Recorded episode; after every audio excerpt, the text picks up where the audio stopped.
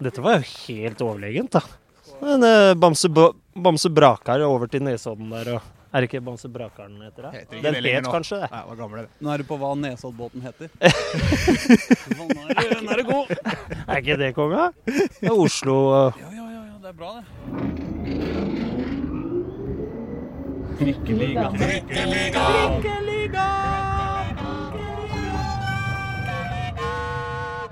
Hei og velkommen til Trikkeligaen sesong to, episode tre, Håkon Thon. Ja, hvor er det vi er hen nå? Nå er vi på, i Ekebergparken med en fantastisk utsikt over Oslofjorden. Det er minus 3-4 grader. Jeg tror det er minus 40 grader, faktisk. Minus 40 grader er det. det. Og sola skinner ikke akkurat på oss, for vi sitter litt- litt under et tre. Men så har vi med oss en solstråle av en mann istedenfor, da, som eh, også koser seg her oppe nå. Gjør ikke det, Jørgen? Dette er eh, balsam for sjela. Eh, få fått med trikkeligaen opp hit er jo helt eh, magisk. Så nei, det, dette er et sted jeg bruker titt og ofte. Ja, vi får si navnet hans òg, da. Jørgen Isnes, Jørgen Isnes. KFUM-trener. Ja, Det er deilig å ha deg her. Eller å være her på besøk hjemme hos deg, på en måte. da. Ja, hvis dette var hjemmet mitt, så skulle jeg ikke klagd på det. Men eh, jeg bor nå nede på Valle, men bruker området her eh, veldig ofte. Ja, ikke sant? For nå sitter vi på en måte litt sånn utafor Ekebergsletta, ned mot uh, Oslofjorden, og skuer utover uh, Nesoddbåten og Over hele imperiet som en dag skal bli Jørgen Isnes sitt. Hele Oslo by skal Koffa ta. Det har han ikke sagt selv, men eh, det er mine ord. Hvordan er eh, forholdene for å drive Oslo-fotball om dagen egentlig nå, Jørgen? Akkurat eh, denne uka så er det veldig vanskelig. Ja. Eh, det Kan du jo nevne vi det at ja, Vi kan kanskje nevne det at vi er jo midt i eh, full nedstengning i byen her. Så det er jo ikke enkelt å få gjort, gjort noe som helst egentlig av idrett nå. Ja, akkurat nå så er det ikke noe krise eh, i forhold til hvordan gutta får trent. Vi er såpass tidlig i oppkjøringa, så, så noe konkurransefortrinn i andre byer osv. tror jeg ikke det, det blir. Men det er klart det blir over tid, så må man jo se på det. Men eh, nå trener gutta godt for seg sjøl, så det er, det er en spesiell tid. Og det viktigste nå er jo å få pandemien bort, og at vi får vaksinene på plass. Ja, Det er litt av grunnen til at vi er her vi er nå, egentlig. Ja. At vi sitter utendørs. Det hadde vært så jævlig flaut vet du, om hele KFUM-troppen ble smitta etter at uh, treneren hadde sittet inne i et trangt lite studio sammen med Trikkeligaen og, og smitta hverandre. Men uh, hvordan er, uh, er det nå sånn at du liksom sender ut sånn til alle gutta Nå er det 40 spensthopp før frokost, og så er det løpetur rundt Ekebergsletta, og så De har fått egentreningsprogram, og jeg tror de begynner å bli lei meg nå eh, med tanke på beskjeder fra dag til dag. Eh, så de får eh, egentreningsprogram eh, denne uka. De må registrere hvordan de føler seg før trening og etter trening, og hva slags type belastning det er. Og så har vi GPS-klokker de må levere inn eh, fra dag til dag, hvor vi får registrert hvor mye de løper og hvor fort de løper. ja, altså, De kan ikke snike seg unna og bare si liksom påstå Nei. ting? Nei, de kjører ikke en Vegard Forren som eh, når han var i Southampton, så, så ga han eh, pulsklokka si til en eh, kompis av seg. Så det bærer han vel preg av i dag, Sett på bikkja. Ja, det har jeg hørt om den varianten òg. Det går noen rykter om at det var noen som holdt på sånn i Vålerenga også i, i forrige storhetstid. At eh, det var liksom rett rett til Vallefare, og så uh, sette seg der og spille kort uh, i en uh, tre kvarters tid før man løper inn og sier 'Hei, Kjetil! vi er tilbake!' Oi, det var tungt. Nei, jeg tror ikke gruppa vår er der, i hvert fall. Så, eh, men eh, eh, det, vi har et bra system som fanger opp eh, mye nå. og Det tror jeg alle lag har, og det har vært et eh, viktig løft for oss fra fjoråret til eh, årets sesong. Dere to, Aslak Borgersrud og Jørgen Isnes, dere har jo ikke sett hverandre egentlig Nei, det, før. det er første gang, tror jeg. Jeg og Jørgen, Håkon, vi har jo sett hverandre ganske mye, men dere har jo hatt ett intervju sammen, dere to. Ja, det er sant. Det var jo et meget sterkt intervju også, i navn, navn i nyhetene. Ja, Husker du det, ja, eller husker du det, Jørgen? Ja, fra Dagsavisa. Ja. Mm. Det var vel side to eller tre i Dagsavisa. Jeg er jo blitt en Dagsavisen-mann. eh, Og har vært det hele livet, i og med at uh, fattern eh, holder avisa. Bra. Så, så, men eh, nei, jeg husker det godt, ja. Ja, for, altså, vi har et avslutningsspørsmål i den spalta. Jeg er veldig glad i å gjøre den spalta. Det, det, det siste man spør om alltid, er eh, hvem vil du helst stå fast i heisen med. Og Der får man stort sett tre varianter av svar. Det ene er dem som tenker sånn praktisk. Jeg vil ha en eh, heismontør eller en brannmann eller en eller annen som kan eh, MacGyver. fikse biffen, liksom. Og det andre er de som tenker sånn Nei, nå skal jeg flotte meg med en eller annen sånn Nelson Mandela eller Barack Obama eller en eller annen sånn stor person som jeg kan ha store samtaler med. Og så er det en tredje kategori, og det er dem som går rett i ligging. Liksom, Hvem er det jeg har mest lyst til å ligge med? Sånn tolker de tredje, den tredje gruppa det spørsmålet. Og du, og, du, og du kjørte jo ut med Jennifer Lopez med en gang. Er det praktisk, Ja, det er eller mulig er jeg- det Ja, det er mulig jeg gikk på finterre der, men, eh, men eh, det er klart Lopez er mange eh, ulike årsaker til det. Jeg er jo glad i å danse, og hun er flink til å danse. Hun ser bra ut, så da er det i forhold til det eh, Aslak sier, at det er, eh, det er eh, i, i forhold til eh, det du sa. Det er rent praktiske årsaker, Ja, altså? ja, det er bare for ja, å ha noe å drive med, så vi kan danse litt. uh, der. Men jeg lurer på om vi kanskje skal, eh, skal begynne Når vi først skal, skal snakke litt, så, så kan vi jo like så godt begynne i, uh, begynne i starten. Du spilte fotball, da, regner jeg med? Spilte fotball eh, på Vestli eh, Ja. fram til jeg var eh, 16 i overgangen til 17. Så jeg fikk debutert sammen med min bror på Vestli sitt A-lag før jeg dro til Skeid. Ah, ja. Ja. Og da var du eh, ung og lovende og talent, og dette Nå er vi kanskje i, på slutten av 90-tallet en gang, da?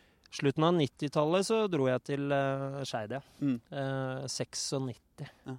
Hvordan- 96-97. Hvordan så du liksom din egen uh, spillerkarriere da?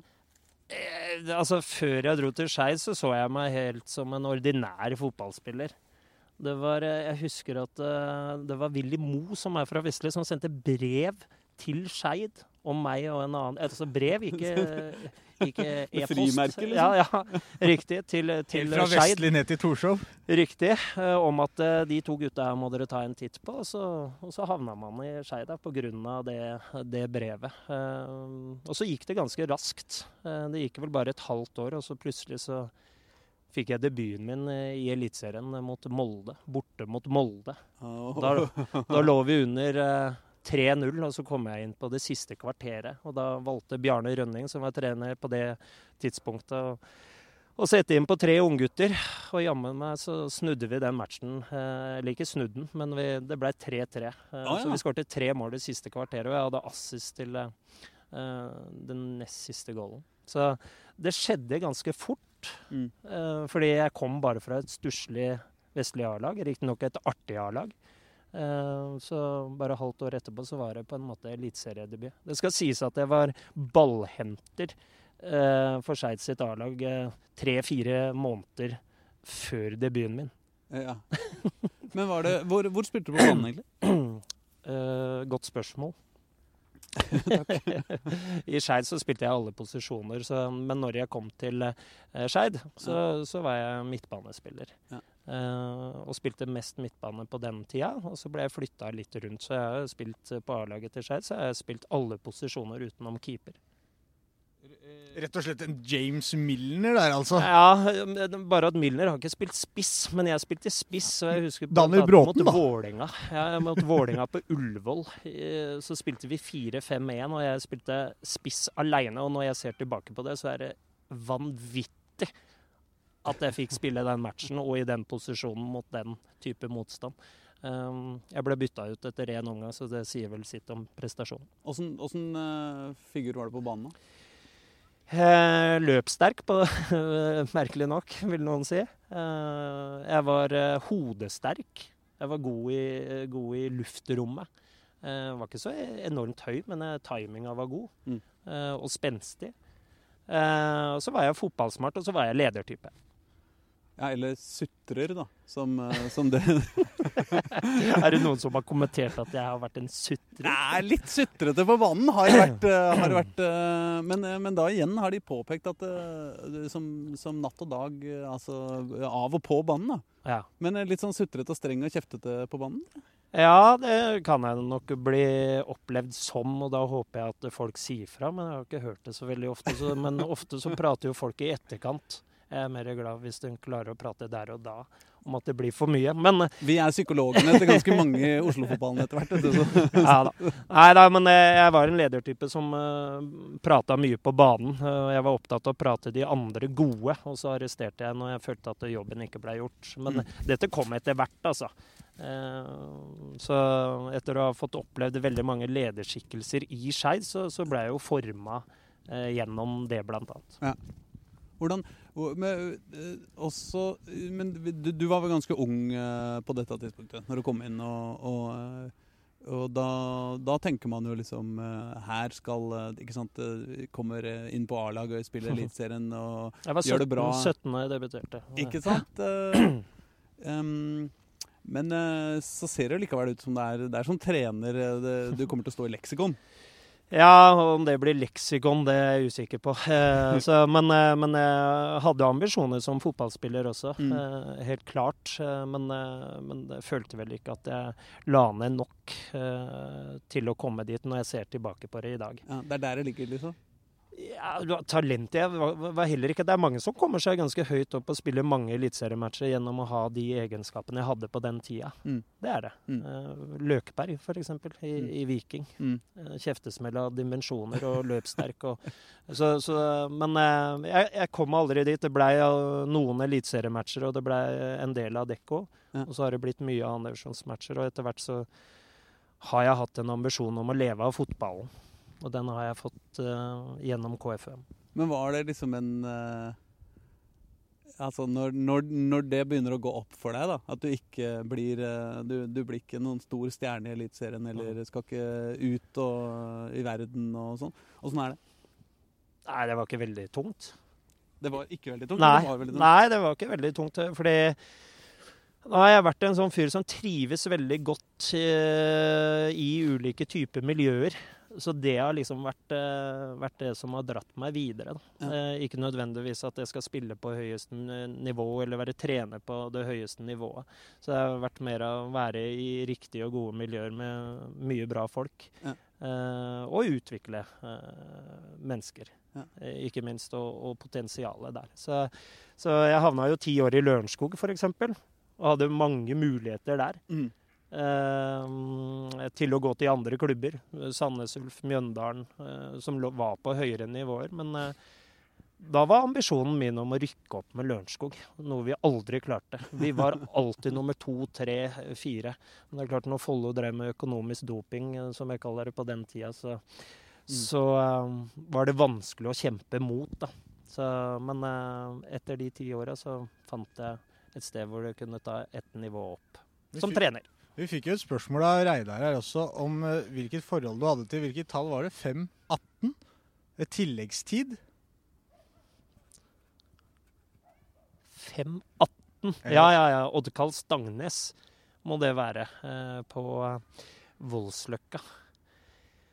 Uh, Skei, da, på det tidspunktet i faresonen for å rykke ned. Fra? Hvis, fra Adeccoligaen. Ja. Jeg tipper det er den han refererer til. Ja, det er sikkert det. Ja. Og uh, helt magisk match, eh, fordi uh, vi måtte vinne kampen med Jeg tror det var med to mål. Uh, og vi mangla ett. Mm. Resultatene tikka inn. Jeg ble bytta ut. Jeg starta den matchen, og så ble jeg bytta ut. Men så skårer Odd Karl en vanvittig spenst på Odd Karl Stangnes. Altså, han kom så høyt. Så på, den, på det tidspunktet så var han vel 30, men han spilte lenge, Odd Karl Stangnes. Han er jo legende i Skeid pga. dette. Ja. Eh, og han skårer, og du føler når vi går opp til 2-0 der, 5-18 på overtid, eh, så, så kjenner liksom Det kjennes ut som det er 20 000 på Voldsløkka. Eh, noe det ikke er, da. For Nei. det var 300 okay. eh, på det tidspunktet. Eh, nå husker jeg ikke eksakt eh, tilskuerantall. Men nærmere 300 enn 10 000. ja, de kasta seg støtteapparatet ut på banen og havna oppå meg, og det var mange kilo. Så det, det, altså, det var ville tilstander. Men det, det er eh, den historien. Ja. Mm. Det er ikke noe som er Det er jo deprimerende, selvfølgelig, men det er jo ikke noe som er så deilig i fotball som å unngå nedrykk.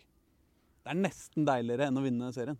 Ja, eh, ja det, det har aldri vunnet serien. Vi har for så vidt rykka opp eh, på kvalik osv. Men, men eh, ja, du er nok inne på noe der. Det er akkurat denne, Har du lyst til å havne på åttendeplass, eller har du lyst til å holde plassen akkurat de siste seriene? Jeg syns det er mer artig å sitte og, og, og, prate, prate, om det, da.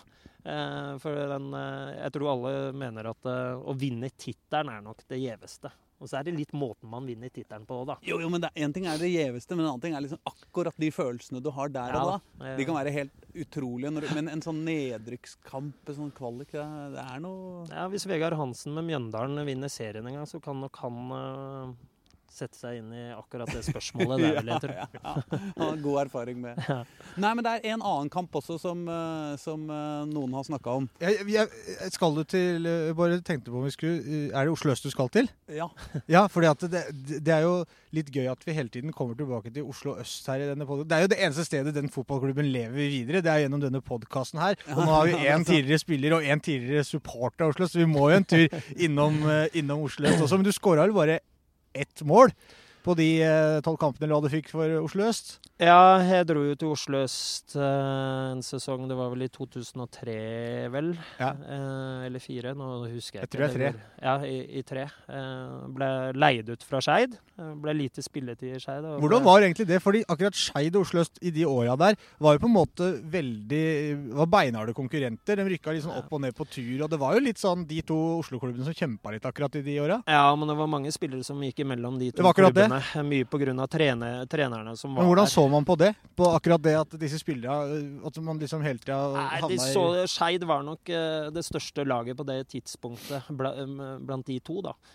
Så det, det, ble ikke sett på noe, sånn, noe sånn kjempeproblem. Tom Erik Breive, Joa Gundersen, altså, altså legender i Skeid. De gikk jo også til Oslo øst. Espen. Grina. Ja. Jeg var ingen legende, men jeg, men jeg, også dro dit for å få spilletid, for å få mer spilletid, og det var en fin, fin løsning. Så det var ikke noe sånn stort, stort problem. Altså. Jeg, Savner du den klubben i dag? Oslo øst? Ja.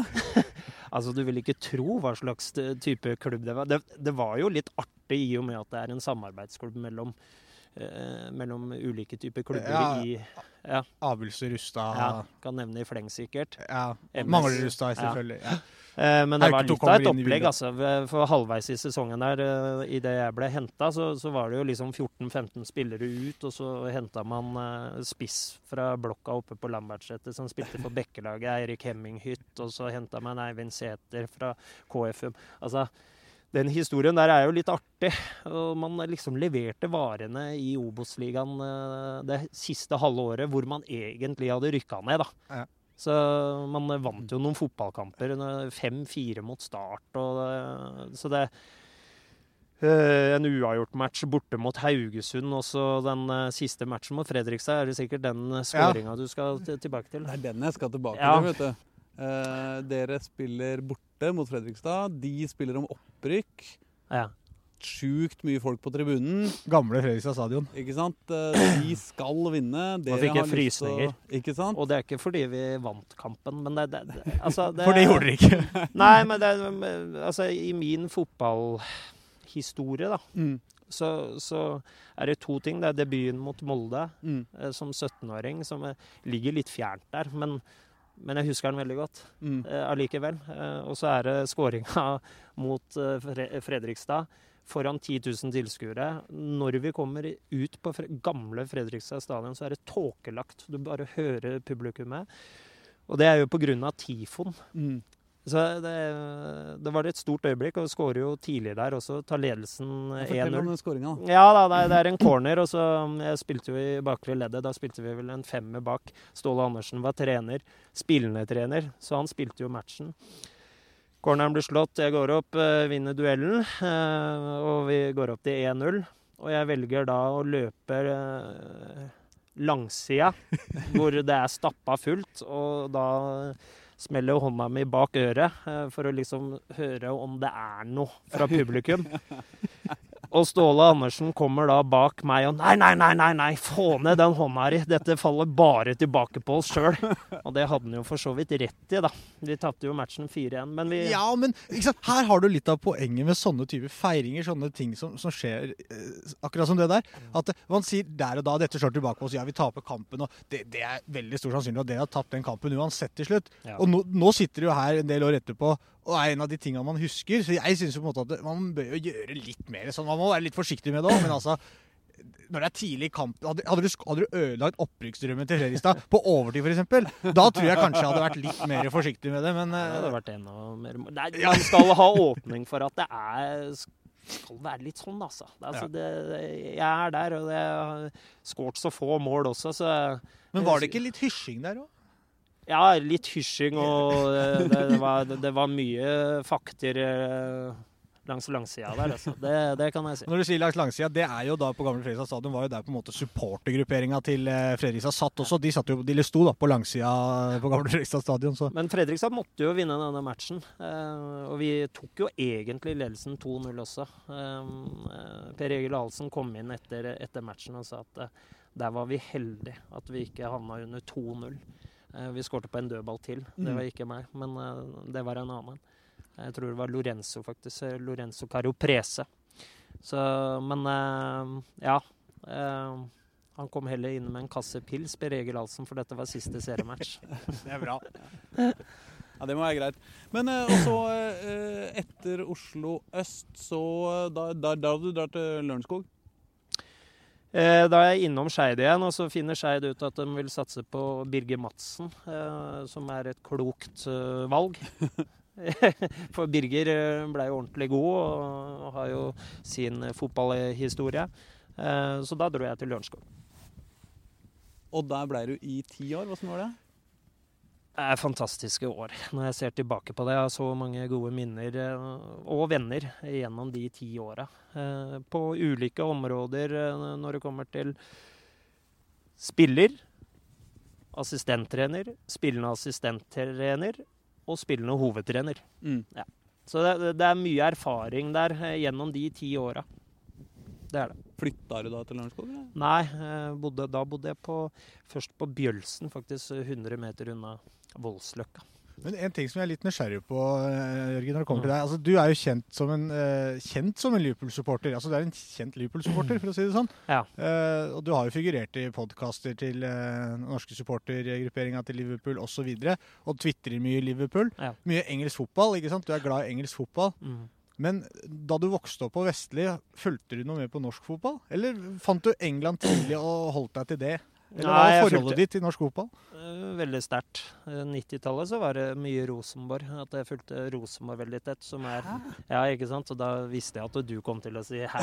Men Men jeg Men- forstår deg godt, for jeg gjorde jo det samme, på en måte. ja, det var mer, mer at de presterte såpass godt, og at vi hadde et lag i Europa. Eh, og det er klart når jeg var 13-14 år, så, så møtte jeg opp på Rosenborg-treninger når de var eh, i Oslo. Eh, og jeg har faktisk bilder av meg og Nils Arne Eggen og Bjørn Hansen som jeg den dag i dag eh, bruker litt som, som forbilder, da. Som trenere på, på ulike områder.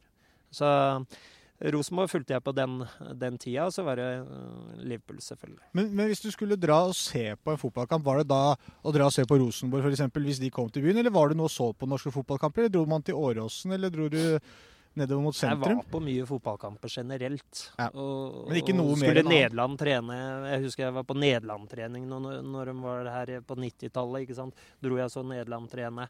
Eh, Så jeg fulgte fotball hele tida, døgnet rundt. Hva er, den første, hva er den første kampen du kan huske at du var på? Uff, men Det er vanskelig, altså. Ja. Ja. Du var på treninger, si. Nei, det var nok uh, tidlig Nei, seint uh, 80-tallet, vil jeg tro. Uh, Tottenham. Eh, faktisk. Det var en engelsk kamp. I hvert fall som jeg husker. så- Som du var og så på? Ja, sammen med familien. Ja, I London. Ja, i London. Hvor kom eh, den kjærligheten for Liverpool inn? Det er litt familiære grunner. Jeg har to brødre som holder med Liverpool, Ja. og en som holder med United. Han har ikke skjønt det helt, da. Men sånn er Det det er alltid én. Det er alltid én. sånn må det være. Så det er deilig kniving i, i, familien. Så det har jo litt med det å gjøre. Er du like saklig når du sitter rundt familiebordet og diskuterer fotball, som det du er på Twitter? For det, når det kommer til uh, Twitter-diskusjonen, spesielt nå når Liverpool har møtt Manchester United, men egentlig alle kamper Liverpool spiller, så virker du som at du på en måte din profil på Twitter det skal være på en måte, Her kan du snakke saklig om Liverpool med en Liverpool-mann.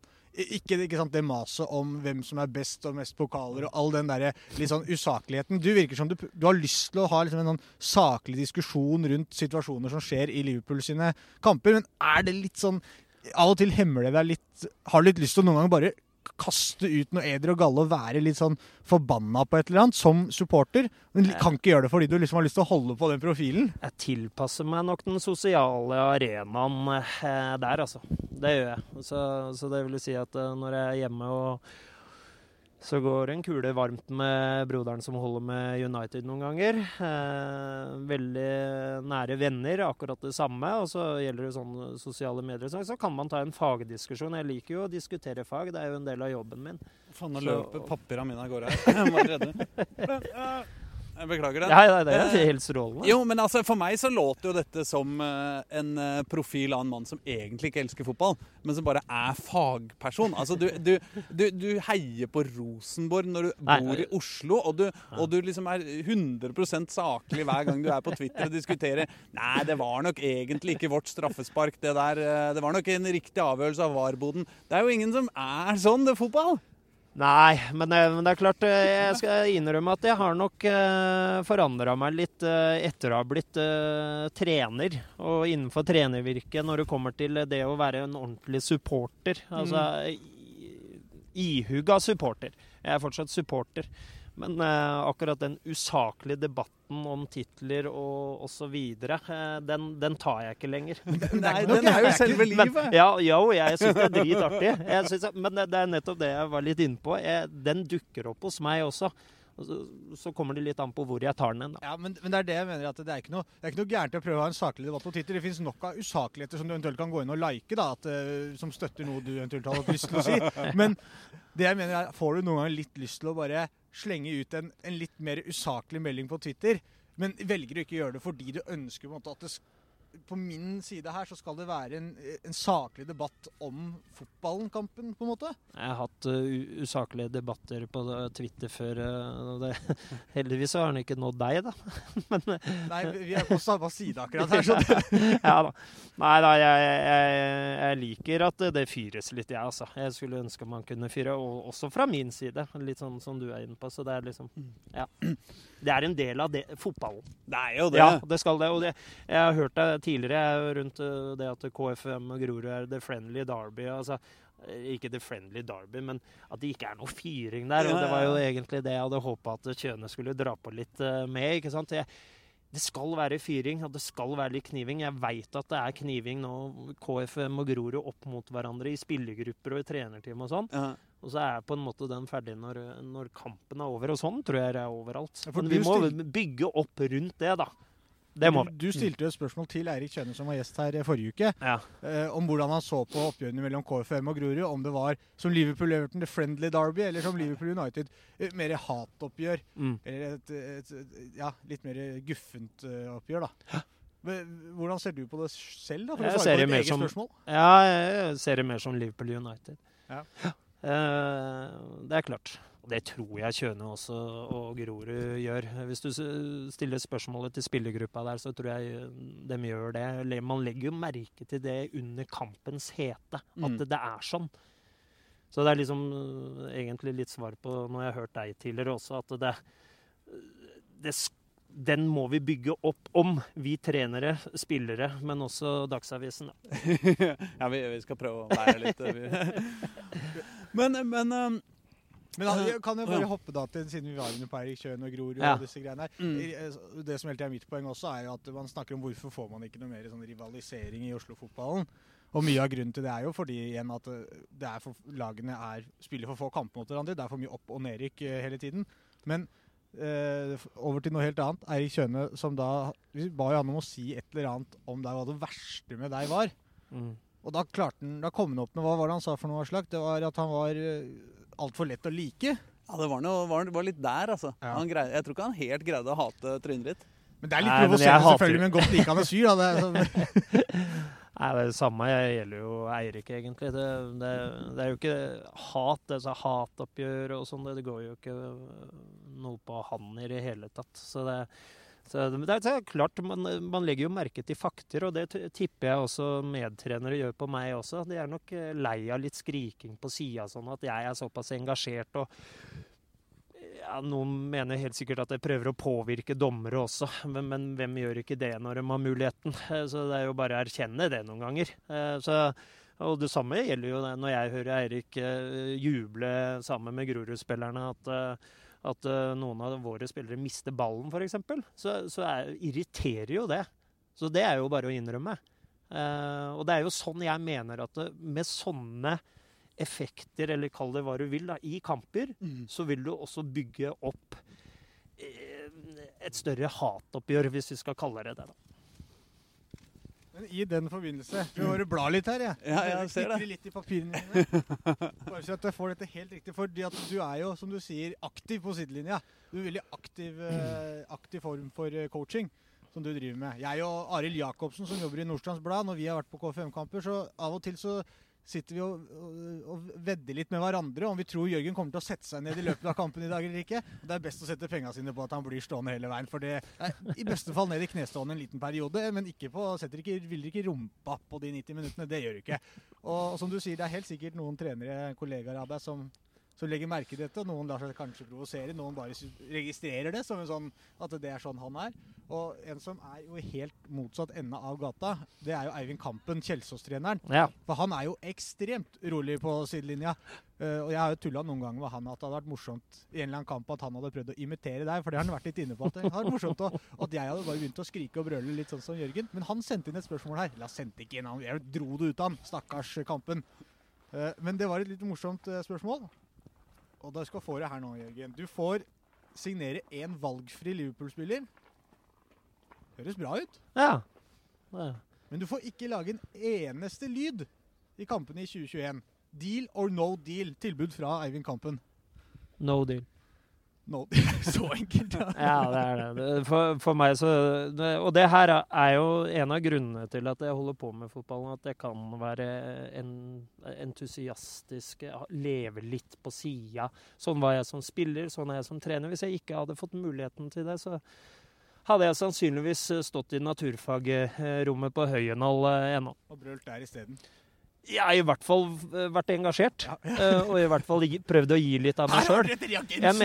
jo, men det, det der får bli en faglig debatt, og jeg veit at det, den dukker opp innimellom. Men, men eh, der man kan påvirke, må man prøve å påvirke. Hvem, hvilken spiller da ville du valgt hvis du skulle gått for denne dealen? Van Dijk.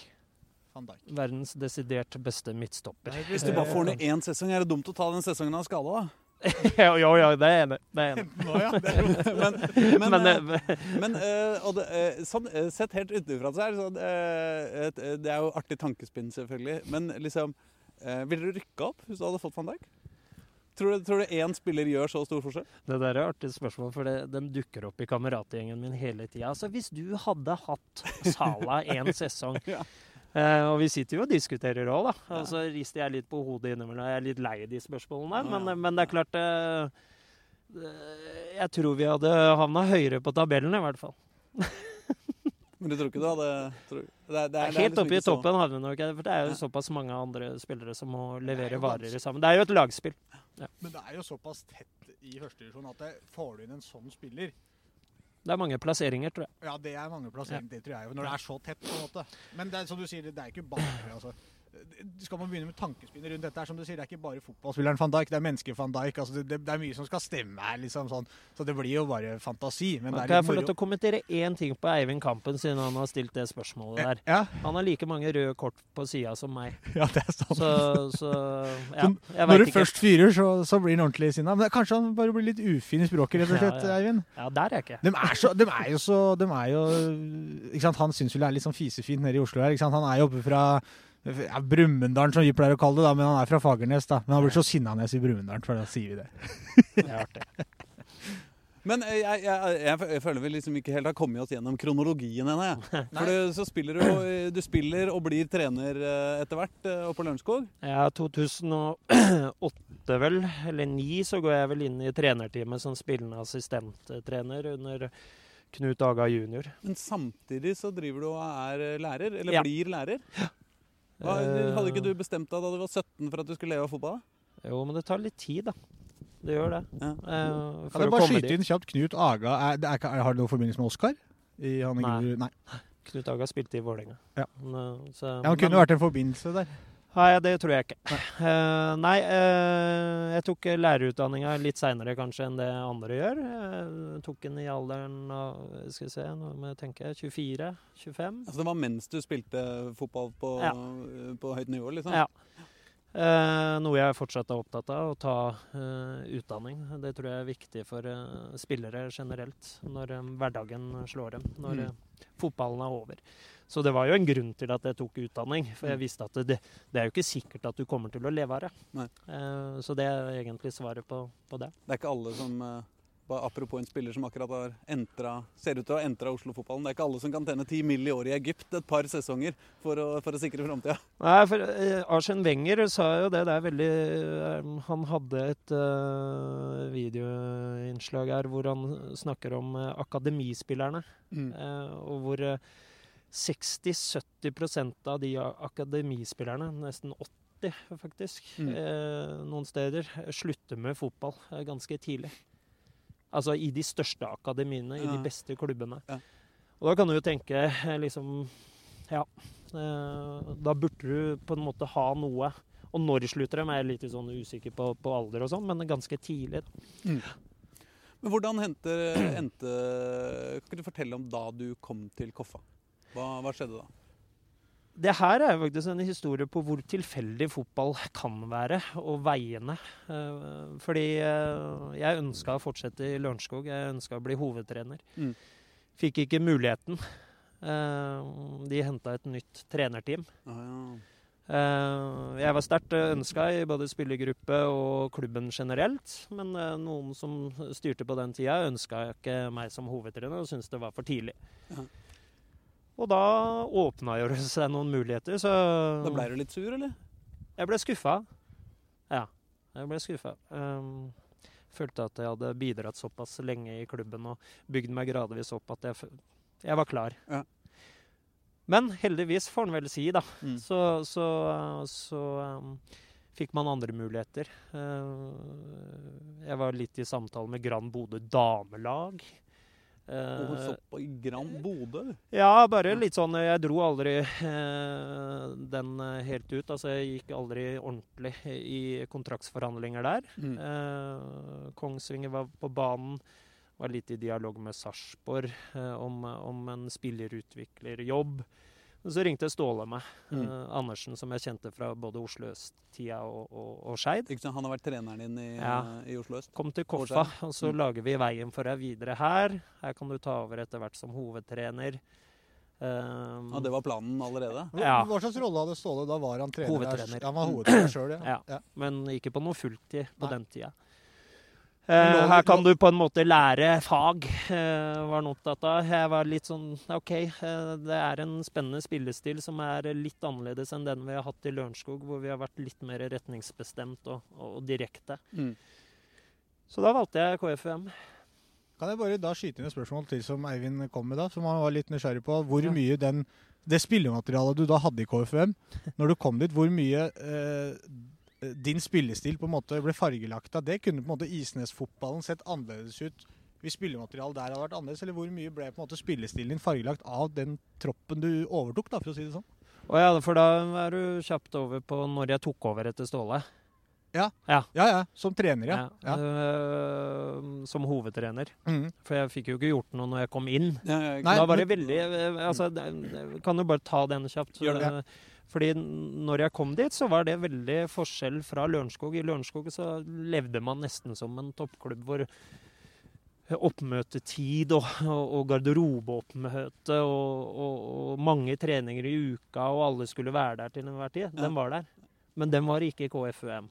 Eh, når jeg kom dit. Det var Men det eh, må jo ha vært en slags breddeklubb eh, på Ja. det tidspunktet? Ja. Eller ja, det var, vei, ja det, liksom, men det er jo fortsatt en breddeklubb. Men det var muligheter for spillere å kunne stå over noen treninger. Mm. eh, andre sterke prioriteringer ble gjort, Mm. eh, som gjorde at eh, man trente tre-fire ganger i uka. Og eh, det var ikke alle som kunne trene alle de engang. Uh, som sto over noen økter. Men Ja. samtidig så var ferdighetsnivået i den gruppa såpass bra at man leverte varene og rykka opp. Mm. I en kameratgjeng. Og da rykker, da rykker du opp fra andre nivå, nei, andre divisjon til uh, Obos. Adecco eller Obos eller Ja. hva det heter. Og så rykka vi ned. Sto vi veldig mye med, med den samme gjengen. Alle gutta tjente likt når vi rykka opp. Mm. Um, og så rykka vi ned. Og da uh, ga Ståle seg, og så gikk jeg i møte med klubben og hadde et ønske om å profesjonalisere dette. For da lå stadionplanene der ennå. Ja, er det da Eivind Arnevåg eller, som er klubben, eller hvem er det? Nei, altså klubben daglig leder da, Ja. på det tidspunktet var Tor Erik som fortsatt er Tor Ja. Erik Stenberg, som fortsatt er eh, daglig eh, Mm. leder. Eh, så snakka vi om ok, hva er profesjonalisering? Treningskultur, treningsmengde. Eh, altså garderobekultur. Ja. Vi gikk gjennom veldig mange ting, da. Ja. Så når jeg ser tilbake i dag, så er det ganske mye som har skjedd Ja. i, i klubben på de eh, seks, seks åra. Og det er ganske vanvittig. Jeg husker en trening, og det her er en av de beste historiene jeg har fra Koffa. Det er når jeg var på Uefa A-lisens, eh, så skal man ha besøk av veileder og en som er på eh, Når, den når var gruppa. dette bare Det er ikke så lenge siden du var på den? Eh, Det, er, eh, det var Uefa Pro jeg var på i Ja, fjor, ja. men dette er Uefa A som var to år. Altså, skal vi se 2018, vel. Ja. Eller, ja. 20 Nei, det var f Ja, nei, nå, nå husker jeg ikke helt. 2017 var jo da du tok over, ikke det? 2016 er dette. Uefa-lisens. Ja, riktig. For da var Ståle trener, og så fikk jeg lov til å være hovedtrener. Ja. Men Ja. hele greia her er at eh, da kommer de for å se på opplegget. Espen Olsen fra Strømmen, ikke sant. Eh, Obos-ligaklubb og Åge Steen, da, som var, var hovedveileder fra NFF. da. Mm. Og så skal jeg ha økta, så godt forberedt. Og så tikker inn meldinger, forfall. Og så går vi inn i garderoben hvor jeg skal si litt om økta. Der sitter det fem-seks spillere. Og så videre med å klø seg litt i hodet, Åge Steen og Espen Olsen, da. Og så går vi ut på feltet, og vi er ennå ikke alle som skal være på feltet. Og der kommer en inn fra skauen. En spiller med skoa i hånda, rett inn i firkant. Og det avslutter faktisk med at kaptein Eivind Sæther kommer på scooteren sin. Plasserer scooteren, tuter seg inn, plasserer scooteren ved siden av benken. Og går rett inn i firkanten og spiller. Så blir det en ganske god økt. da, Så sier Åge Steen og Espen det er helt vanvittig hva dere egentlig presterer når vi ser, når vi ser dette. Hvis dette er liksom eh, Så det er et godt bilde på egentlig hva som har skjedd der. Altså Det fungerte også på den tida i en kameratgjeng, ikke sant. Mm. Men, eh, men eh, inn mot den nye stadion, så Men det var vel litt forskjellen på det laget som rykka opp til første divisjon første gang, og det laget som rykka opp ja. til første divisjon andre gang. ja, var det- første, første gang dere rykka opp der, så, så var det jo, som du sier, en kameratgjeng. Ja, kameratgjeng med mange gode fotballspillere. Ja, ja, så absolutt. Altså, de, de rykka jo opp, ja, så det var ikke noe tvil om at kvaliteten er god. Og, og sånne lag gjør du innimellom bra. Hvis du får ting til å sitte og kameratgjengen virkelig får det til, så er det jo det er et veldig sånn sterkt samhold og en, en god moral ofte i de lagene der. Men sjelden at det på en måte holder over lang tid. Men det, det er to, selv om flere av de samme spillerne også var med, så er det likevel to ganske forskjellige lag på kort tid, da. Og så er det jo tilbake til spørsmålet til Eivind. Altså, Ja. Men man eh, fikk jo muligheten til å forme her. Etter hvert så slutta spillere pga. det blei mye. Ja. Eh, og så måtte vi ha nye spillere inn, både fra egen, egen klubb og spiller utenfra. Og da fikk man jo på en måte forme inn mot en spillestil som var mer retningsbestemt eh, og litt mer direkte. Men fortsatt innenfor Koffa-stilen.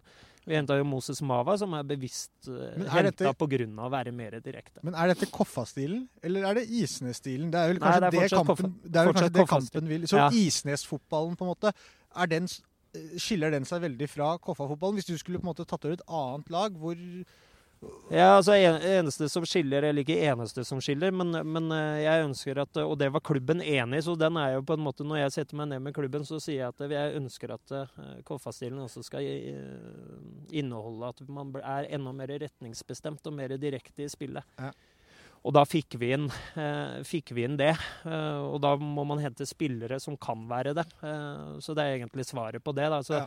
eh, At, at den, den Isnes-fotballen som vi ser KFM spiller nå, det er på en måte bunner i Ja, er riktig. men med et Isnes-preg som du gjerne vil eh, sette litt mer preg på. med å være litt ikke kall det Isnes-preg. Det der er eh, flere som er med å vurdere i et trenerteam. Men, men det er Jo, klart jo da, at jeg er hovedtrener, så da så setter jeg premissene for det. Men Ja. jeg tipper jo at hvis du skulle tatt over et annet lag, så ville det vel vært eh, Ja, OK, ja, ta det, da. er Jeg så skuffa! Jeg, jeg, bare, jeg bare føler at uh, det kan være at noen av lytterne, uh, fordi jeg er lytter sjøl, uh, ikke helt henger med. Eh, så jeg lurer på om vi kan gå bare ett skritt tilbake. Ja. Altså, kan du beskrive hvordan det er dere prøver å spille fotball?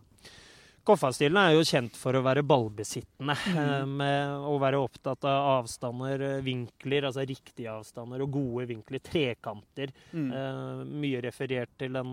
Barcelona-fotballen som var der fra, fra tidligere. Og det er jo Ståle som implementerte dette i, i Koffa-stilen eh, på ja, eh, 2009-10, altså rundt der, hvor det ble mer fokus på. Mm. Eh, og så er jo det nettopp det vi ønsker fortsatt, Ja. men med enda større Altså, vi ønsker å være mer direkte enn å bare eh, spille. Men er ikke At det motsetninger? Ball... Nei, langt ifra. Så, så man tar gjennombruddet når man først uh, har det. Altså Mm. hvis, hvis du har en gjennombruddsmulighet med en gang, så tar vi den med en gang. Mm. Ikke spiller bare for å spille. Ja. Uh, dette er jo referert til de største trenere. Altså, det sier jo til og med Pep Guardiola. Ja, ja. Ikke, vi har ikke ballen for moro skyld, men vi ønsker å oppnå noen rom for å kunne utnytte det. Og det er vi opptatt av i Koffa også. Og så ønsker vi å styre fotballkampene gjennom den stilen. Men hva er det du prøver å oppnå sånn konkret, da? Når, altså når, når, dere har ballen i, i, i liksom forsvarsleddet eller et eller annet Ja, er- overtall, er overtallssituasjon. Overtallssituasjoner eh, Mm. er vi ute etter. Om det, om det er i siderom eller mellomrom eller Ja. Eh, Det er vi opptatt av. Eh, Vi er opptatt av å skaffe oss rom til å kunne gå gjennom på, altså gjennombruddsfasen. da. Mm. Eh, Så eh, hvis det rommet er der, som jeg var inne på, Mm. eh, så tar vi det med en gang. Hvordan, er det liksom, eh, hvilken, hvordan ser en scoring ut hvis du, hvis du gutta etterpå bare det, Nå! Skal, akkurat sånn er det vi skal spille! Ja, det- På 2-1-skåringa der. Hvordan har den sett ut, da? Eh, Fordi Kan jeg gjette først? Ja. Bare for å se om jeg har lært noe som helst av alle mine samtaler med Jørgen. Ja. Jeg kan se for meg at en, en drømmeskåring for eh, Jørgen Det kommer jo selvfølgelig litt an på, som du sier nå, ønsker å være mer direkte. Mm. Og da er det kanskje et ønske om at man ser at man får til akkurat det, da, for å spille den etablerte fotballen. Det er veldig gøy å få til det, å finne åpningen mot et etablert forsvar. Mm. Det er veldig morsomt når den åpninga der sitter. Så jeg tror du setter veldig pris på når det kommer masse løp i forskjellige retninger, og alt timer, og pasninga fra Sortevik sitter på labben til en spiss som skårer. Men jeg tror kanskje enda større grad nå et sånn et godt brudd. Mm. To-tre pasninger ut på kant, flatt inn foran mål, og bang i kassa. Det er også nydelig. Eh, Ja. Så det er en fase vi må bli bedre på, da. I og med at den stilen vi har er veldig basert på at du skal være god i, i eh, etablert angrep Mm. mot et eh, etablert forsvar. Mm. Men eh, kontringsfasen er noe vi må bli mye bedre på. Der er vi mye å lære av Grorud, som jeg syns er veldig sterke på, i den fasen der. Mm. Men, men et klassisk Koffa-angrep, da burde man se på matchen mot Raufoss i siste serierunde, når vi spiller på snø i, i første omgang. Da er det 16 trekk, Ja. og det er retningsbestemt. Hva, hva Eh, mener du med det? Nei, At det går i re eh, lengderetninga, Ja, altså sånn, ja. mot mål. Så det det er riktignok et par vendinger. Ja. Og så kommer vi opp i neste rom. Mm. Eh, opp i det man kaller eh, inn i prioriterte rom, da. Eh, mellomrom. Mm. Og når vi først kommer opp der og blir rettvendt der, så er det folk som starter igjennom. Gjennombrudd. Ja. Som vi da eh, klarer å vektlegge, eh, vektlegge godt, og så er det scoring. Så det er mange trekk. Og retningsbestemt, altså Ja. i lengderetning. Så du vil ikke at den skal gå fram, og ballen skal gå fram og tilbake mellom bekker og stoppere? Og, Hvis vi må det. Altså for, for å ska, skaffe oss rom. Det er grunnen til at vi bruker dette verktøyet, og det tror jeg alle er enige om som ønsker den stilen. Ja, for det er, jo, det er jo Altså- veldig klart at man må eh, Dette handler jo i bunn og grunn om å ta de riktige avgjørelsene. Se an hvordan spilleflata spi, ser ut, og så bruke de rommene som er der. Og hvis det ikke er noe rom der, så er det veldig dumt å skulle prøve å slå en pasning bare fordi med i ønske om at det skal gå gjennom. Liksom. Da, må, det er da, da man må begynne å trille ballen. Det er riktig, Ja. så vi spiller ikke ballen på måfå eh, rett opp for å gå etter andre eller tredje ballet. Det har vært enkelte kamper vi har gjort det også, ja. men, men eh, stilen vår er basert på at vi, vi ønsker å vende spillet til vi finner åpninger. Er ikke egentlig norsk eh, fotballs eh, suksess egentlig tufta på eh, at man får tilfeldigheter som spretter, som spretter i sin retning? Man bare prøver å jobbe for å få flest mulig av de tilfeldighetene? Jo, men det er et godt verktøy innimellom det, skjønner du. Mm. Så, så vi bruker det sjøl, vi. Så det, mm. Det er et sitat som Reidar, eh, Reidar Solli, eh, som pleier å være med her, pleier å si eh, favorittsitatet hans, ett av dem i hvert fall, som Drillo sa, at uh, flaks er undervurdert i fotball. Man trenger litt flaks innimellom. Ja, da, man gjør det. Man gjør det. Så jeg vet ikke om du fikk litt mer has på liksom, hva vi er ute etter. og- Jo, jo, jo, jo, jo, jo absolutt. Men, men, men du vil helst Men har du noe liksom forhold til Altså, du, du har jo ofte noe driblesterke folk Mm. eh, høyt oppe i banen. Mm. Eh, men betyr det at du helst eh, At du helst vil liksom eh, At den, eh, den, den siste forløsende pasninga, liksom, skal den komme fra, fra tieren som ligger ut, rett utafor boksen midt på banen, eller vil du ha den fra vingene, eller vil du ha den liksom eh, Og det kommer jo an på romforholda igjen. Da. Eh, Ja. Vi har møtt lag, og det her er interessant det også, for det er jo fag. Eh, Men eh, vi har jo møtt motstandere nå som pakker ekstremt mye på oss inne sentralt i banen, og da må vi være flinkere til å utnytte sideromma Ja. og de ytterste romma i større grad. Så da må man utnytte de rommene. Eh, Men eh, det er klart, første sesongen vår så fikk vi tilgang på veldig mye mellomrom. Eh, I fjor så var det litt annerledes. Men dette er jo også grunnen til at man vil utvikle seg. ikke sant? Ja, ja. Man, man, man må jo få flere planer etter hvert. Stilen er fortsatt den samme, men Ja. det er andre romforhold. Og det, Er det sånn at du, når du skal spille mot uh, uh, ja, La oss nå si Grorud, da, siden vi, uh, det er dem vi kjenner best. Eh, eh, eller eh, altså, er, er det sånn at du da tenker sånn OK, men dem er såpass gode i, i midtforsvaret at her må vi ut på vingene, eller tenker du liksom det er ikke nødvendigvis at det er stoppere, men at de kanskje er veldig trange i firerne sine. Altså Ja. i bakre firer og midtbanefirer, som gjør at OK, da må vi prøve å utnytte siderommene i større grad med vending og hurtigere vending for å komme oss høyere opp i banen. Eh, som igjen kan medføre at de åpner seg enda mer, og da vil du få mer rom imellom. Så du er, ja. du er jo inne på det. altså Dette er spill mot spill, og det har det blitt mye av eh, de siste åra spesielt. At man er eh, opptatt av hva man eh, møter, men du er fortsatt tro mot spillestilen. Er det en litt sånn intellektualisering av treneryrket? på en måte? At, at det blir mer, det, Folk har spilt mer Championship Manager, folk er, har studert mer fotball og, og liksom er mer opptatt av å møte motstanderne på liksom det Eller analysere, egentlig. Analyse har blitt en stor del av hverdagen. Ja. Det er ikke noe å lure på. Så, så er det jo hvordan man bruker analysen. da. Skal du bruke det bare for å legge opp spillet ditt ut ifra det du ser på motstanderen, Ja. eller skal du bruke noe av det? Så det, det er en balanse her. For, for oss i Koffa så er det en balanse. Bare Et siste spørsmål på dette er jo fag, faggreiene. Hvis, eh, hvis jeg eh, trener et lag i, i Obos-ligaen, og så skal jeg spille mot eh, Koffa, Mm. hva, er det, hva, hva, er det, hva kan jeg gjøre som er verst for deg? Hva er det du gruer deg til hvis, liksom, eh, av dems planer og, og oppsett og spillestil? Og, Øh, Jeg tror veldig mange er klar over det også. Altså det, det å spille mot etablert forsvar øh, tight, Mm. med tette avstander, er det vanskeligste i fotball. Ja. Og det øver vi veldig ofte på også Ja. i, i treningshverdagen, for vi veit at vi møter det. Lag som er kompakte.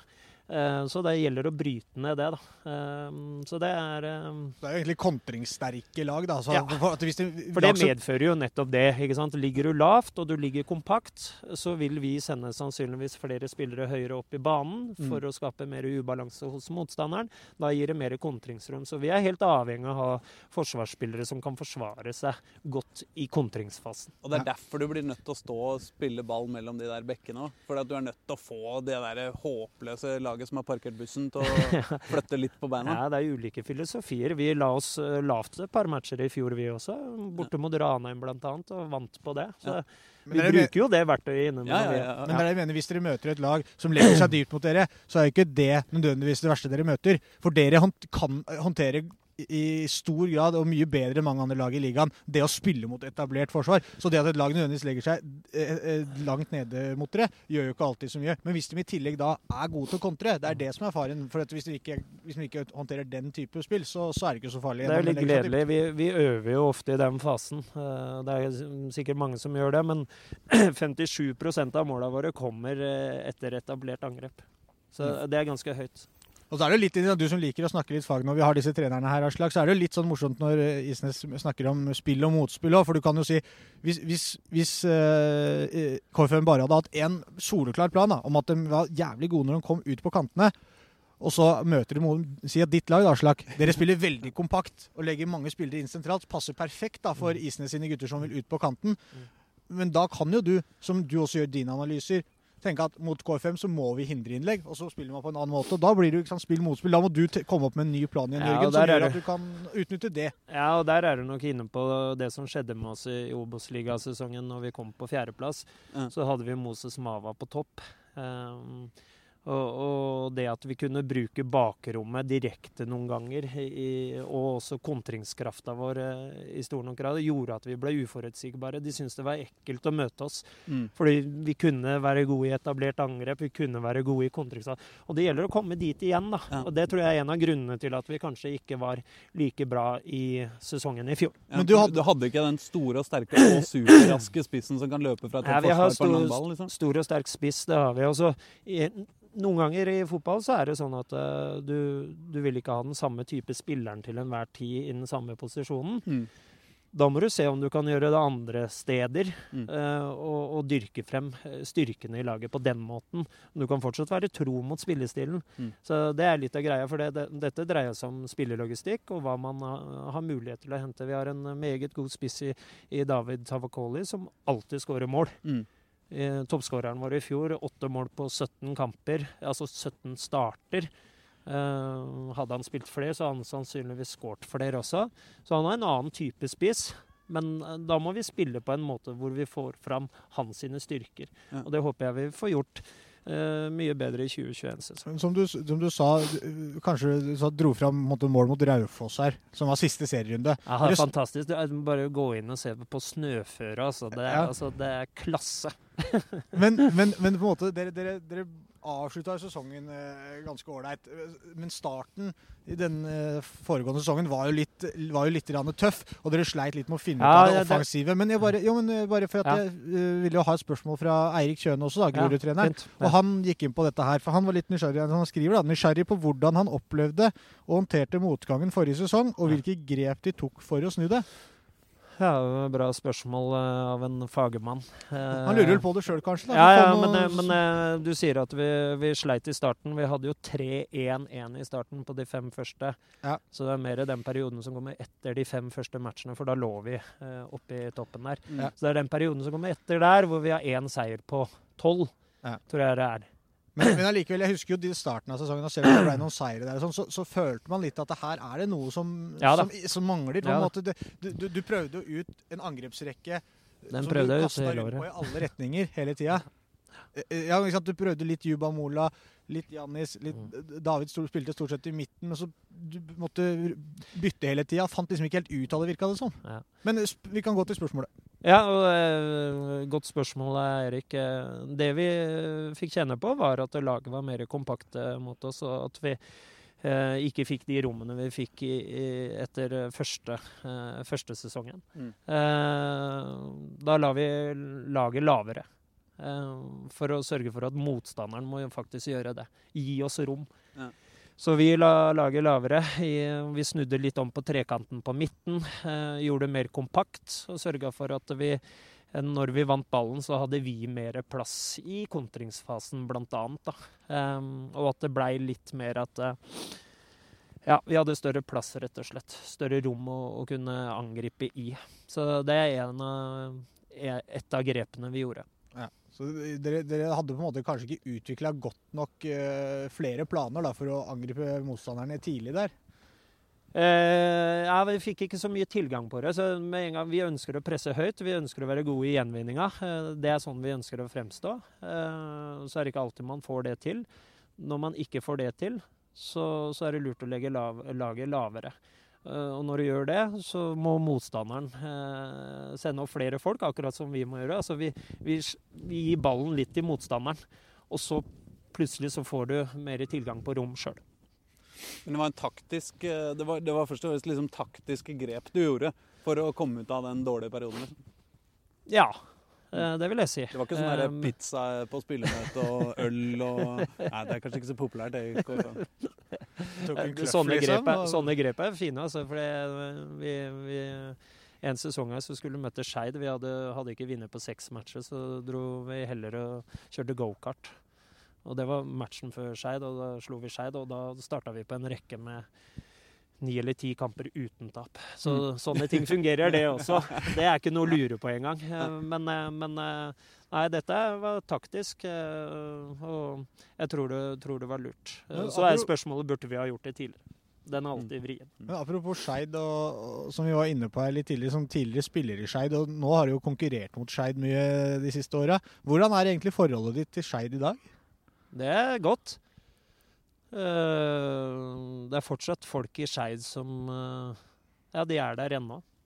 Altså, når jeg var der, så så Trond Bjerke, blant annet. Eh, fantastisk oppmann eh, som alltid ordna mat. Og, nei, det er mange eh, bekjente i Skeid-miljøet, så jeg håper jo Skeid kan komme seg opp igjen. Jeg. Eh, og bidra til at Oslo-fotballen setter preg på norsk fotball. Det hadde vært moro for Obos-ligaen, i hvert fall. Å ha, ha Tre Oslo-lag? tre Oslo-lag. Ja, Ja, fire år for den saks skyld. ja Få med kampen òg. Ja, ja, ja. Kjelsøs skal ikke se bort ifra at de kan klare å karre seg opp i toppen av Post Nordligaen. Skal vi gi samme spørsmål til Jørgen her, i og med at vi snakker om de andre Oslo-laga fra Jonny Normann Olsen? Som, Ja, eh, Jonny.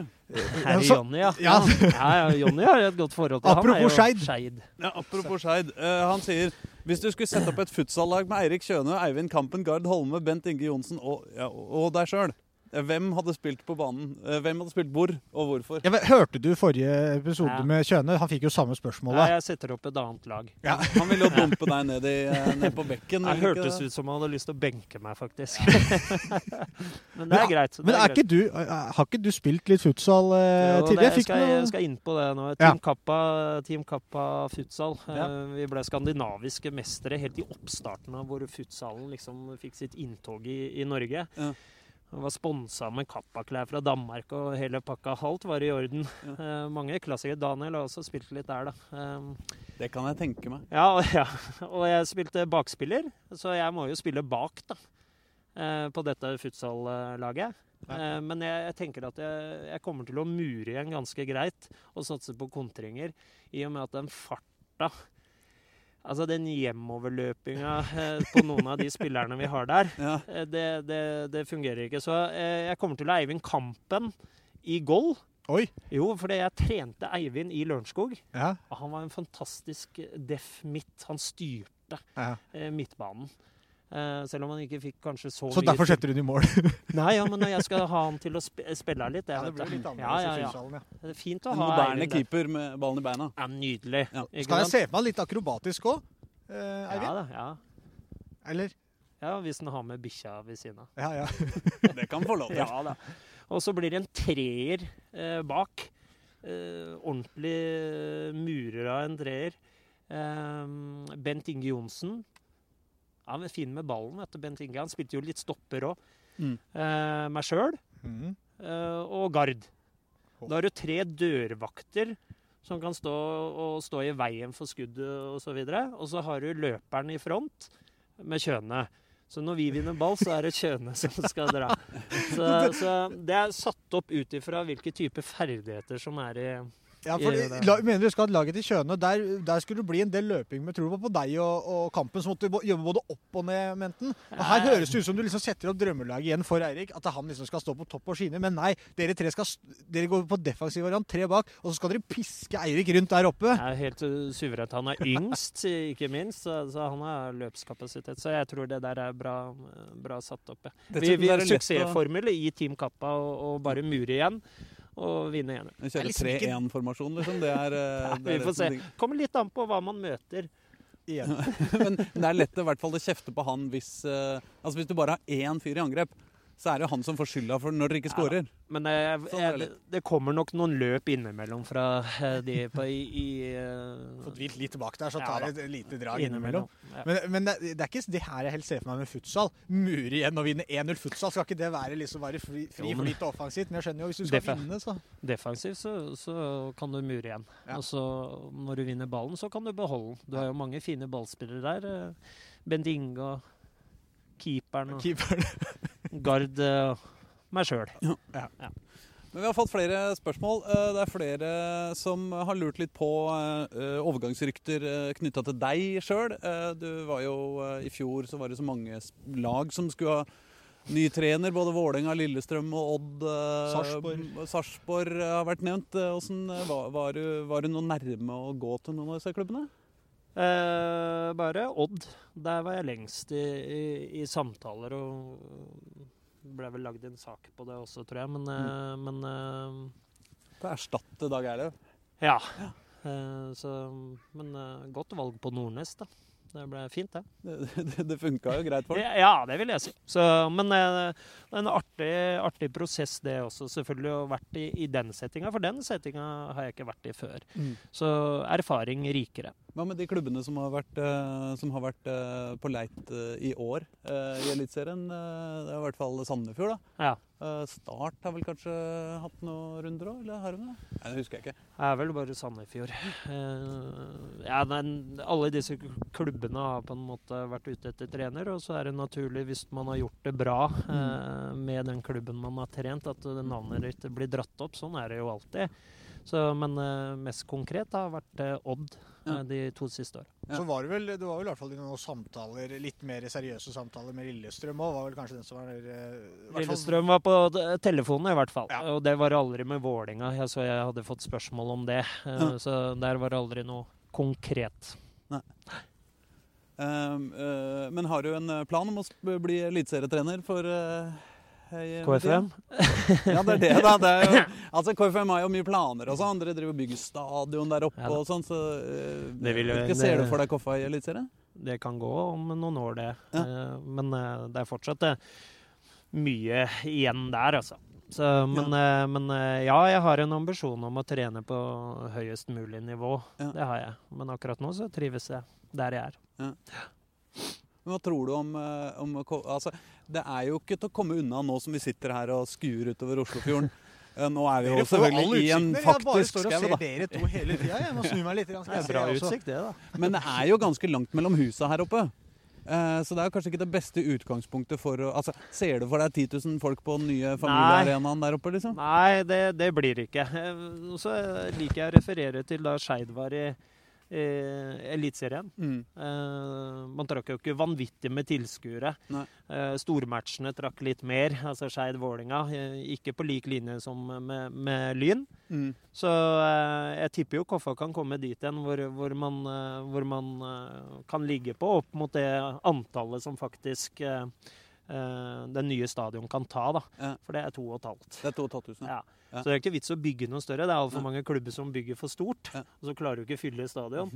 Og så ser det folketomt eh, ut. da. Så jeg tror, tror eh, man har en uh, grei inngang sånn sett.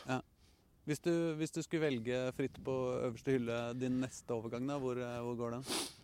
Som trener? Meg sjøl som trener. Ja, ja. Hvor skal du neste gang? Liksom? Hvor burde de være mest nervøse oppe på Ekeberg hvis det, hvis det kommer en telefon fra? liksom? Nei, det er jo ikke det. Det det er jo klart at eh, å trene hovedstadsklubb mm. i uh, Vålerenga ville jo vært stort. Mm. I og med at det er eh, i Oslo, og jeg er oppvokst i Oslo. Ja. Men akkurat nå så er ikke det veldig realistisk. Akkurat den er ikke ledig nå, Nei, den jobben det, der, må jeg si. altså. Nei, og det gjelder å være litt realistisk. Så skal man tenke drømmer, så ser man jo til utlandet plutselig. Ja, Og det er jo drømmer. Ja, Alle der- må jo ha litt er drømmer. Anfield, liksom, Ja, ikke sant? Jo, men når Solskjær er i United?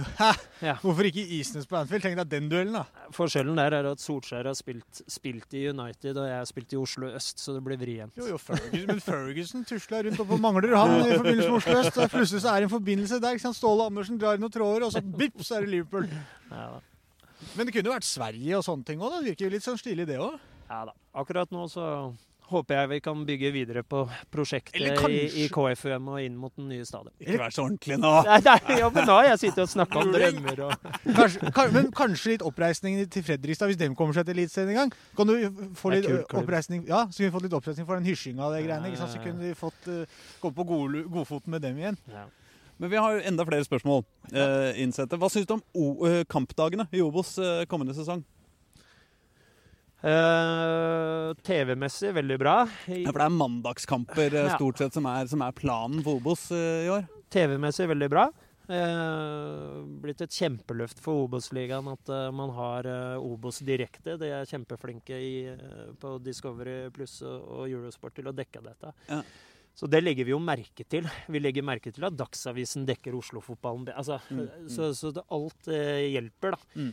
Men eh, det er ikke veldig publikumsvennlig eh, med mandagsmatcher. Eh, men eh, kanskje i 2021 også så kan det passe med mandagskamper. Ja. Men med en gang det åpnes fullt for publikum, Ja. så tror jeg de skal se på andre løsninger. F.eks. Å, å kjøre Obos på lørdager. Ja. Eh, det tror jeg. Ja, For det var deilig å få noen ordentlige supporterkamper. Eh, og Ja, vi må bygge rundt borteturer og Ja. Jeg er helt enig. Så, så, men akkurat nå, eh, Mm. perfekt. Men eh, uten korona. Ja. Og da burde man se på andre løsninger. um, Jeg kan, ta, jeg, kan, jeg kan ta et spørsmål bare mens hvis Du kan gå finne fram et nytt hvis vi har flere innsendte. Men jeg har noen fra Jeg har jo flere fra klubben igjen, da. Ja. Uh, og det er jo Du snakka om at du var litt sein med å, å få deg Nei, få tatt deg trening Nei, lærerutdannelsen. Ja. Uh, litt sein har du vært også med å få tatt deg det derre førerkortet. ja, det er stort. Er det, er det, det Vi hører i hvert fall rykter om at du har ambisjoner om å komme deg gjennom programmet i 2021. Ja, det var litt artig, for det mutter'n og fatter'n ga meg gave i år, eller ikke i år, da, men til jul. Eh, Førerkortet i en alder av en alder av 41. Så, så ja, det er kjempeflott. Så sa jeg at har jeg ikke fått det i gave før? Men så, eller altså, Ja, ja. og så har jeg bare ikke gjort det. Og det kan jo hende. Men eh, ja, det stemmer at jeg ikke har førerkort. Samtidig så har jeg vært en Oslo-gutt, og jeg trives veldig godt med egentlig de mulighetene som finnes utenom bil. Og så akkurat nå så har jeg privatsjåfør, så det, Ja, sånn er det akkurat på Ekeberg. For, for privatsjåføren din, det er jo keeper, keepertrener Mikki, stort sett, er det ikke det? Som Ja, ja. eh, ruller rundt med deg? Ja. Helt konge, det, vet du. Mikke er Norges beste keepertrener. ja, men altså, altså helt, helt på alvor, har du ikke førerkort? Nei. Men eh, altså, du, du bor på Valle, og Ja. så trener du på Ekeberg flere ganger om dagen, holdt jeg på å si. Nei, ikke flere Eller en gang om dagen, da. Det hørtes bra ut. Og så, og så skal man helst ikke kjøre kollektivt. Nei, akkurat nå. Ja, det gjør du. Ja, men da har jeg keepertreneren. Vi, vi kjører sammen. Han kjører Så, og henter ja. deg hver dag. Og det, det, anbefaler jeg Jeg er jo en naturfagmann, så, så jeg er veldig miljøbevisst. Så, så det er klart at eh, jeg anbefaler flere å kjøre sammen istedenfor å kjøre alene. Ja, Mm. ikke ta førerkort, sitt på med en god venn. Så sparer du, sparer du klima og miljø. Nei da, det er på tide. Der jeg har vært eh, sløv, men jeg, jeg, jeg tuller ikke med det. Det har aldri vært noe sånn stress for meg. Og i og med at jeg ikke har eh, familie sjøl, Mm. så har det jo ikke vært et problem. Men det, er- det er klart at det, det hadde vært ålreit å, å få på plass. Hvem styrer musikken i bilen? Jeg har hørt at Mikke har eh, Han var i hvert fall DJ på veien fra Sandnes, hørte jeg. Ja, Han elsker opera. vet du. Da setter du på Pavarotti, så, så begynner eh, tårene å trille. Ja. Så han er, han er følelsesmenneske, Mikke. Så vakkert. Det er nydelig. Men det, mye, det blir mye opera fra Sandnes til Oslo, da. Ja, det ble, ble litt kanskje mye. litt mye. Jeg er enig i det. Hva ville du satt på? Tja godt spørsmål. Er det rock'n'roll, eller er det Nei, jeg er litt eh, Jennifer Lopez, eller? Ja, Lopez er fin hvis du har lyst til å Jennifer danse. from the block, men da må du, da, er må from the block. I am, I am Jenny from the block. Men eh, nei, jeg er altetende innenfor mu- musikk i gatas parlament. Ja, det er, det er stort sett det det går i. nei, nei, jeg hørte kjønne dron. Men eh, nei, jeg er altetende, jeg. Så eh, bare ikke bli bare opera. Ja, Det er mulig å forstå. ja. Øystein Carlsen har spurt uh, uh, på Twitter uh, I en tidligere uttalelse til Eurosport Det var ordentlig, dette. Mm. Ja. Har Isnes sagt, du altså, Ja. at A-lagets budsjett skal økes fra 6,5 million til 8,5 million? Eh, er det riktig? Hva skal den økninga brukes eh, til? Tre nøkkelspillere har ennå ikke signert. Hvor lenge kan man vente på deres svar? Det var mange spørsmål. Øystein Karlsen han følger oss godt. Eh, Koffa, koffamann. Ja. Eh, Fulgt Koffa i alle år. Er en eldre herremann. Og, så han skal gi svar. Ja. Eh, når det kommer til de tallene som det opereres med her, så er nok det tatt ut av en sammenheng eh, fra Eurosport, tror jeg. Så eh, budsjettet vårt er nok ikke der. Det får Tor Erik Stenberg, daglig leder, svare på. Eh, Men at det har vært en økning i budsjett fra første året jeg var her, det er ikke noe å lure på. Og det sier noe om profesjonaliseringen av det. Så vi, er på et høyere budsjett enn 2,5 millioner som var på det tidspunktet. Oh, ja, ja, ikke sant? Ja. Eh, men Men, med eh, spillerne, spillerne her som han refererer til, da, åssen ligger han med Eh, da er det Robin Rask, Stian Sortevik og Bilal Mm. Nije. Eh, vi er i positive eh, samtaler, og så er det noen som mener at de samtalene har tatt lang tid. Men det dreier seg litt om hva man eh, har andre ting å tenke på. Da. Eh, Stian har en familie han tenker på, eh, som man må ta hensyn til. Har to unger nå, eh, Mm. som er ganske små. Eh, Det er ikke alltid forenlig med, med Obos-ligaen, det. Og i hvert fall ikke mandag mandagsmatcher og i tillegg trening i helgene. Så vi må se på det, men jeg tror det kanskje kan gå i orden. Eh, Jeg tipper at vi finner noen løsninger i løpet av uka. Har det sånn, Er det sånn at de fremdeles er med på en måte å få Ja. treningsopplegg? Og, Ja, så de holder seg sånn? De er med, som- de er med så de trives veldig godt. Og sånn, og så er det naturlig at det spillere som Robin Rask og sånn vil jo se på muligheter når kontrakten hans er ute. Så dette er eh, Jeg lever veldig godt med det. Eh, Ja. Og så venter jeg på svar, og så tror jeg det skjer kanskje i løpet av, løpet av uka. Eh, Når det kommer til eh, hva vi eventuelt ved lønnsjusteringer Eller ikke lønnsjusteringer, men budsjettjusteringer. Hvis vi går høyere på budsjett, så, så får vi inn en Johannes Mosgaard nå eh, på fulltid fra sommeren, Mm. som skal følge opp spillere. Gamle Vålerenga-hjelp? Ja, ja mange års erfaring på å følge opp unge spillere. Og Mm. det skal han gjøre hos oss også, i, i større grad. I tillegg så har man økt på stillingsprosenten til Lybekk, eh, også i trenerteamet.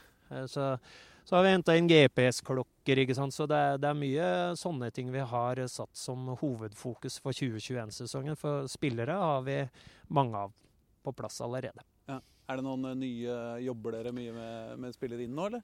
Nei, som sagt så, så øh, kommer vi til å gå ned litt på antall spillere. Vi var 28-29 i fjor. Ja. Eh, vi vil være 2-23 i år. Ja. Så det er allerede noen som har forlatt eh, Koffa eh, og gått i andre klubber. Og så vil vi nok hente én til to spillere, ikke noe mer enn det. Vi er veldig fornøyde med Hvis vi da signerer disse tre som Ja. har nevnt tidligere. Hva blir- ja. Nei, det, det er jo åpenbart hva vi skal spørre om nå. Nei, Jo, ja, nei, sa du. ja, nei, ja, hva, hva, hva ser du etter? da? Er det spillere som skal rett inn i troppen, eller er det unge spillere, eller, og, og hvilke posisjoner? Er Eh, gjerne begge deler. Ja. Eh, jeg hører vi, vi blir jo sammenligna med Grorud hele tida. At Grorud har en uh, veldig ung profil, og vi ligger kanskje litt høyere enn det. Ja. Og dette dreier seg selvfølgelig også om at uh, når vi kom til Obos-ligaen, så var vi også unge. Ja. Altså for to år sia. Så eh, gjennomsnittsalderen forandrer jo seg, eh, fordi det er en gjeng som har vært med noen år, ikke sant. Ja. De blir to år eldre. og så gjelder det å Grorud har eh, tett link til landslagsmiljøet og har lett, lettere tilgang på spillere sånn sett.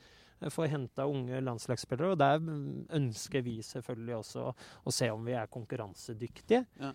Eh, og så syns jeg det er morsomme historier. altså Å få en 24-åring, 25-åring De er ikke ferdige fotballspillere, de, altså. Uh, om du kan få fart på karrieren sånn sett også. Mm. Uh, og kanskje oppleve sine drømmer enten gjennom KFUM eller kanskje et steg videre også. Ja. Så vi, vi får se. Det dreier seg om hvilke type kvaliteter og ferdigheter spilleren har i like stor grad, men vi kommer nok ikke til å hente en 35-åring. Men du vil være sånn kong eh, Midas, liksom? At du tar i ting, og så blir det til gull?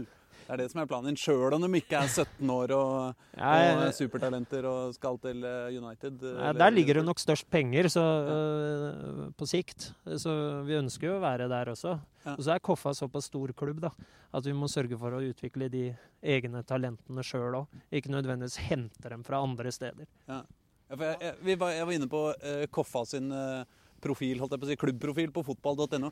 Jeg tror ikke det er mange lag som har så mange hjemmebaner. Nei. altså Ekeberg 1 og 2 og 3 og. Kunstgress 2 og 4 og 8. Og det, er, det er jo en, eh, en klubb som skulle ha ganske gode forutsetninger for å, for å, bygge, for å bygge ungdommer. Ja, og det må vi. Hvis vi skal Mm. være konkurransedyktige og øh, bærekraftige i årene som kommer, så må vi utvikle egne spillere også. Ja. Eh, her eh, satser vi på både bredde eh, og nå også topp da, eh, de, de siste åra. Ja, for Dere henter jo litt større grad enn f.eks. Grorud inn spillere som, som går rett inn på laget. da, i litt større grad enn en det Grorud ofte Grorud henter jo inn spillere som gjerne skal inn på laget om et år. Ja, men eh, det kan som sagt eh, forandre seg i løpet av noen år også. Det, det er dynamisk, det som skjer i, i, i spillelogistikkens eh, verden. Altså. Se på Raufoss nå, da, som har solgt uh, halve laget sitt. og så Nå henter de to 25-åringer, som er litt utradisjonelt uh, Raufoss. De har henta mer unge spillere. Mm. Så det kommer litt an på hva som skjer. Og det har vi også fått merke. ikke sant?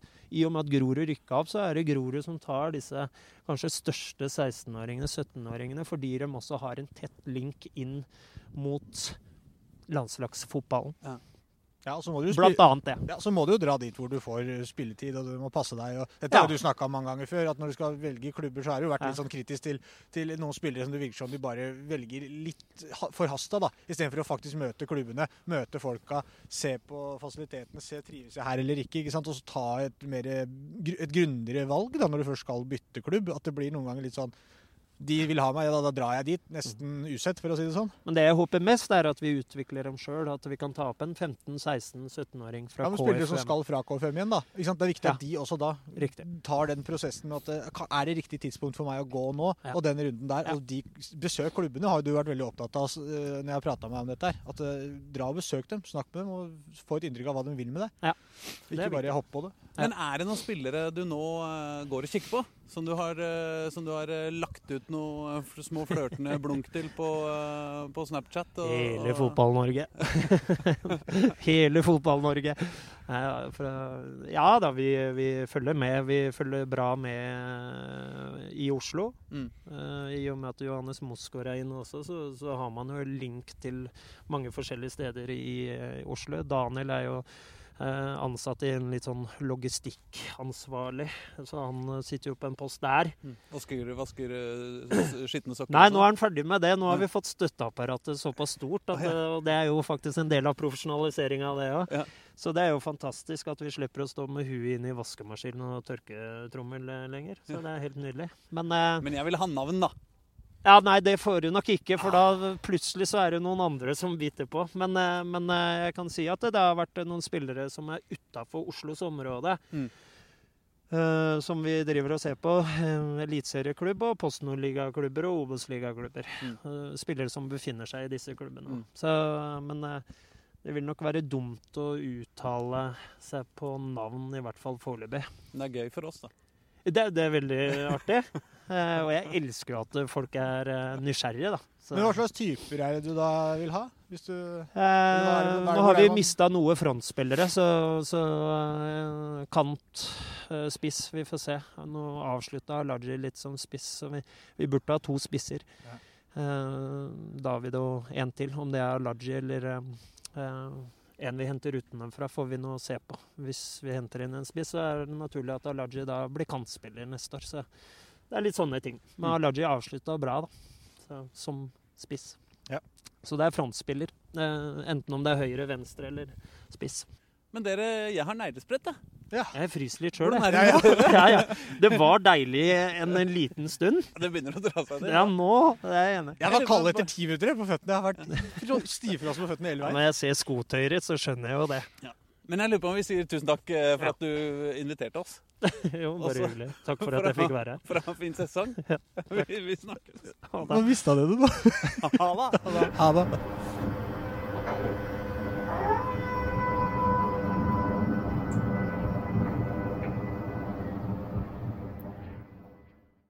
Du har hørt en podkast fra Dagsavisen. Ansvarlig redaktør heter Andreas Heen Haaland Karlsen.